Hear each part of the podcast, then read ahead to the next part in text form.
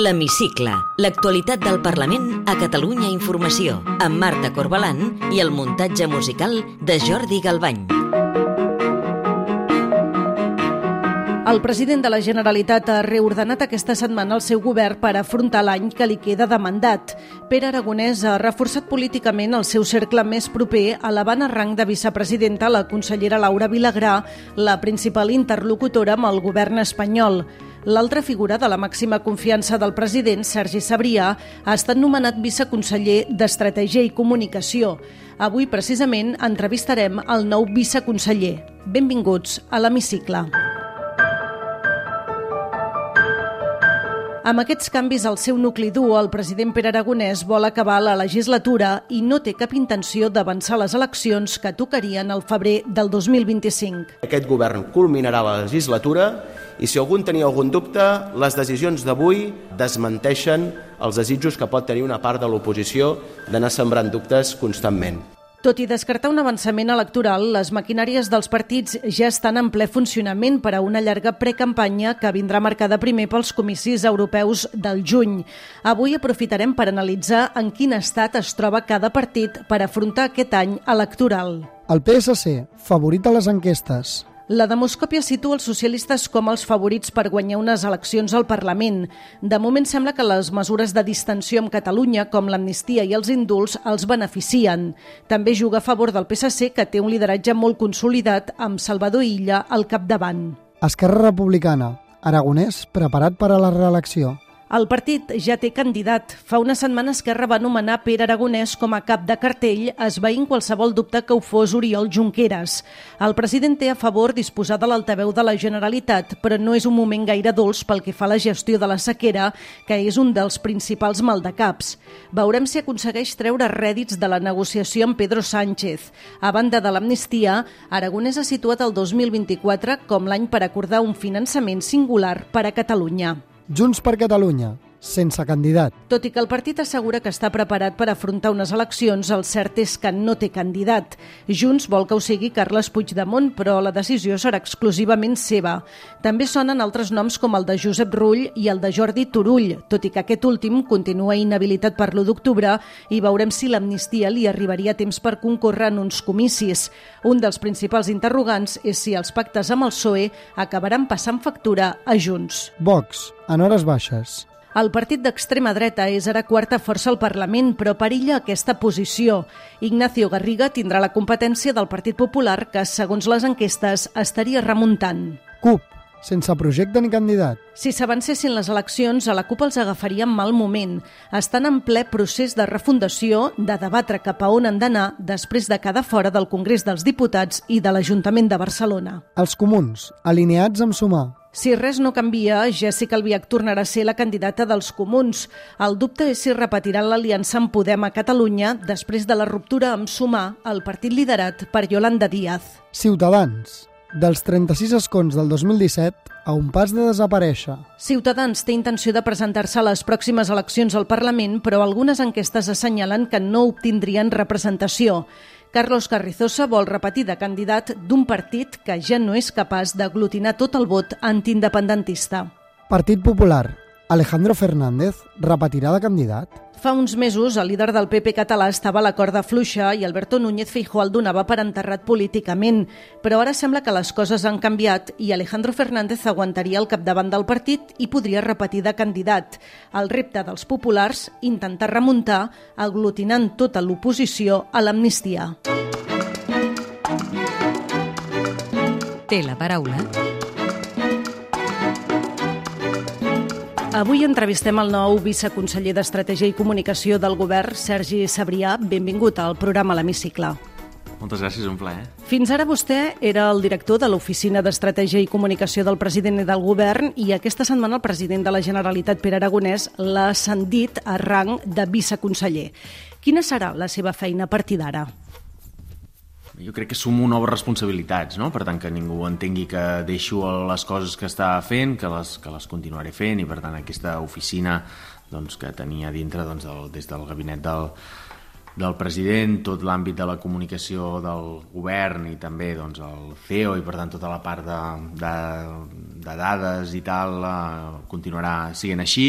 Llavors els governs contemporanis a tot arreu, les polítiques eh, són molt més transversals i per tant això comporta doncs, un, un treball entre molts departaments i tal i això doncs, que ara ja estava ajudant en part doncs, hi dedicarem algun temps més i no és una feina meva, és una feina d'equip. Aquí la Núria Cuenca, secretària de, de presidència hi té una part importantíssima el secretari de govern i per tant entre els tres eh, doncs, eh, intentarem que aquesta transversalitat en les polítiques doncs, eh, sempre surti bé i que anem molt coordinats, que és el que estàvem fent i posar-hi una mica més la cara, no?, també, i per tant eh, tornar a assumir funcions doncs, de portaveu d'allò que tingui a veure segurament amb aquests projectes, bàsicament, fent eh, equip amb, amb, també amb la Patricia Plaja i sumant a totes les veus que ja teníem. Diríem que al final no? cada conseller eh, té molt de micro i, òbviament, per davant de tothom el, el president. El president aragonès ha justificat el seu nomenament com a viceconseller i l'ascens de Laura Vilagrà com a vicepresidenta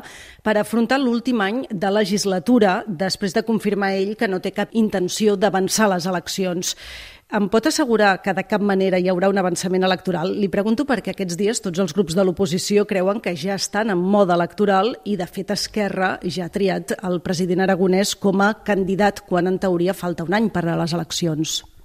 Jo crec que el que passa aquest dissabte bueno, posa la resta de partits a la defensiva bueno, potser perquè uns no tenen candidat o potser perquè els altres no sé, estan, estan insegurs sobre, sobre el seu projecte, no ho sé, diríem jo. Crec que nosaltres fem els, els passos que pertocaven ben fets, només, només anunciem que aquesta seria no, la candidatura de l'executiu del partit, que tot això s'haurà de, de votar i per tant eh, jo, jo la reacció de la resta la veig molt en clau de les seves inseguretats, no? La segona part de, de la pregunta. El país crec que ens demanava una, una etapa d'estabilitat de, també, eh? després de moltes eleccions, de molt temps sense esgotar, de molt pocs pressupostos aprovats, per tant, nosaltres hem revertit aquesta situació no? i aprovem els pressupostos cada any eh, i, anem a esgotar la, i anem a esgotar la legislatura. Crec que els canvis no tindrien sentit no? fer uns canvis així. Si haguéssim d'anunciar eleccions la setmana que ve, doncs, escolta, segur que no els faries. I, per tant, la nostra voluntat tota és poder esgotar aquesta legislatura. Em parlava en la seva resposta que són un govern que ha aprovat pressupostos, però encara tenim pendents d'aprovar els pressupostos del 2024. Hi ha negociacions obertes, però de moment no es veu que l'acord hagi de ser imminent. En cas que eh, el govern no pogués aprovar els pressupostos per manca de socis parlamentaris, això seria motiu d'avançament electoral o no passa res per prorrogar-los?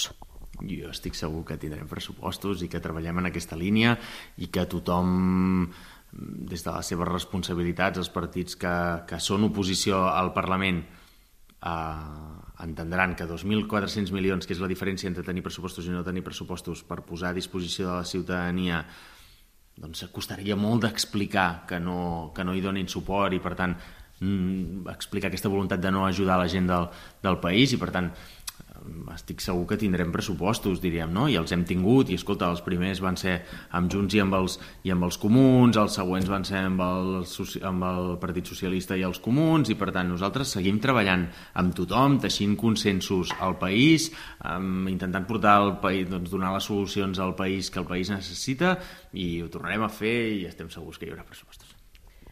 Diu que estan segurs que hi haurà pressupostos, però el PSC posa com a línia vermella que es compleixi l'acord del 2023 i, a més a més, que s'aprovi el pla director urbanístic del Hard Rock. S'aprovarà el pla urbanístic del Hard Rock? El planejament anirà, anirà endavant, no, no pot ser d'altra manera. Vull que seria diferent, tu em preguntessis quina opinió tens del Hard Rock, no, no sé si és el model que necessita el país en un, en un moment com aquest, però sí que és un compromís que aquesta planificació urbanística, com no podria ser d'altra manera, eh, quan estigui tot a punt anirà endavant, doncs segur que anirà tot endavant. Diu que no sap si és el model que necessita el país. Eh, això vol dir que dins del govern no hi ha unanimitat en la defensa d'aquest projecte? És que eh, a mi m'agradaria tenir 68 diputats i llavors passarien totes uh, les coses no? i la ciutadania ens, ens hauria donat la majoria que ens permetés que els pressupostos fossin exactament els que nosaltres voldríem. Però no en tenim 68, en tenim 33 i per tant amb aquests 33 hosti, fer pressupostos cada any era una cosa que no augurava ningú, tothom ens ha dit mil vegades, hosti, esteu molt sols, doncs escolta, tan sols no estem, perquè arribem a acords amb la gent, i arribar a acords és cedir. Els pressupostos de l'Estat i els de la Generalitat són vasos comunicants, és a dir, perquè ens entenguin els oients. Si el PSC no aprova els comptes catalans, Esquerra no donaria suport als de Pedro Sánchez? Jo crec que tots necessitem que tots ens vagi bé, que crec que és el que ja et deia. Per tant, mm, quan fem això i per tant la sensació és, escolta, que no, perquè jo t'amenaço aquí... No, jo vull que hi hagi uns, bon, uns bons comptes a Catalunya i que el PSC s'hi senti còmode i segur que el PSC eh, que, que, no, que, que mira molt sempre cap al PSOE i que, i que mira molt cap al PSOE, eh, segur que té ganes que hi hagi uns bons pressupostos a, a Madrid i que aquesta legislatura, que no comença allà, eh, que, vull dir que no s'acaba allà, que, que comença, té ganes que pugui arrencar amb força, per tant, està, està bé, tot està bé. Per tant, s'han de negociar en paral·lel. Potser sí que el PSC està pendent de, de què passa a Madrid, no? I per tant, no sé, en algun moment jo recordo hosti, un PSC que deia oh, no pot ser que vinculeu uns i altres. Doncs, bueno, jo ara a vegades tinc la sensació que estan molt pendents de què passa allà. Bueno, jo crec que, que no és que tingui pressa el govern de Catalunya, és que tenen pressa els ciutadans de Catalunya i, per tant, que quan el PSC ha de decidir entre ajudar els ciutadans de Catalunya o mirar cap al PSOE, hosti, crec que hauria de mirar, crec que no sempre ho fa, però que hauria de mirar cap als ciutadans de Catalunya, i els ciutadans de Catalunya ara necessiten un pressupost, no? i estaria bé que tenir-lo quan abans millor, però això jo ho veig així, no? l'Alicia, que negociem, Romero, que negociem molt amb ella, estic segur que també ho veu així, que la seva prioritat són els ciutadans de Catalunya. Com estan les relacions amb Junts? Bé, jo crec que... O sigui, nosaltres ens agradaria que estiguessin millor, no? Per tant, les relacions personals estan bé. Sí, uh, aprovem coses al Parlament, déu nhi Esquerra i Junts han d'arribar a acords, perquè, perquè tenen un model de país, no? o de, un model social que és com bastant diferent o molt diferent, no? i segur que Junts té un model social molt més semblat al PSC no? i el PSC a Junts que no pas a Esquerra Republicana, hòstia, al final tenim un objectiu que, que compensa una part d'això, que és, hòstia, al final els dos eh, volem com a model d'estat la independència d'aquest país i això ens ha de portar a arribar a acords. Um, bueno, que, bé, però hauria de ser millor i hem de tornar a arribar a acords i hem de tornar a treballar junts i quan això ha passat el país ha, el país ha avançat i per tant, no que sé, patim la repressió conjuntament, eh? Hem d'arribar a acords amb ells i tornar a arribar a acords i, i hem de tornar a generar oportunitats de governar junts, sí. Diu que pateixen conjuntament la repressió, precisament ara s'està tramitant a Madrid la llei d'amnistia, però aquests dies estem veient com el jutge que instrueix el tsunami democràtic està fent diferents moviments perquè aquest cas quedi fora de l'amnistia. Això afectaria, entre d'altres persones, doncs, la Secretaria General d'Esquerra, Marta Rovira o el mateix Carles Puigdemont. Tenen por que no sigui amnistiable aquest cas? Nosaltres no tenim por de res, diríem, eh? perquè hem passat que sé, la nostra gent ha passat presó, ha presat exili, tenim gent pendent de judici, pendent d'entrar a la presó, probablement també, no? Per tant, por ja no en tenim, perquè per fer tot això, per instruir tot això, s'han inventat dossiers, ens han espiat el mòbil, uh, no? I ho sabem, eh? No, no, aquests diuen, no, no, no, no, tenim proves de tot tipus de que totes aquestes coses han passat i cada, cada setmana surten proves noves. Per tant, ho faran tot per intentar que l'amnistia no sigui aplicable? Segur. Creiem que ens en sortirem? Som optimistes? Bueno, volem ser-ho, no? El president Aragonès va situar el 2024 com l'any per acordar un finançament singular per a Catalunya que acabi amb el dèficit fiscal. Ja tenen definit com ha de ser aquest model de finançament? Bueno, vam quedar que ho presentaríem no, aviat i estem treballant. Crec que sigui, no té molt secret, o sigui, no té molt secret vol dir, jo no hi entenc d'això i per tant no, no em feu explicar el meu model de finançament que no sabré explicar. El que tothom entén és, tothom, eh? Ho entén tot, bueno, tothom no, després t'explicaré que ho entén tothom o quasi tothom, diríem, perquè ho hauria d'entendre tothom i, i hi ha algú que ho hauria d'entendre que no ho entén. Però 22.000 milions de dèficit és injust pels ciutadans perquè no els hi pots donar els serveis que es mereixen.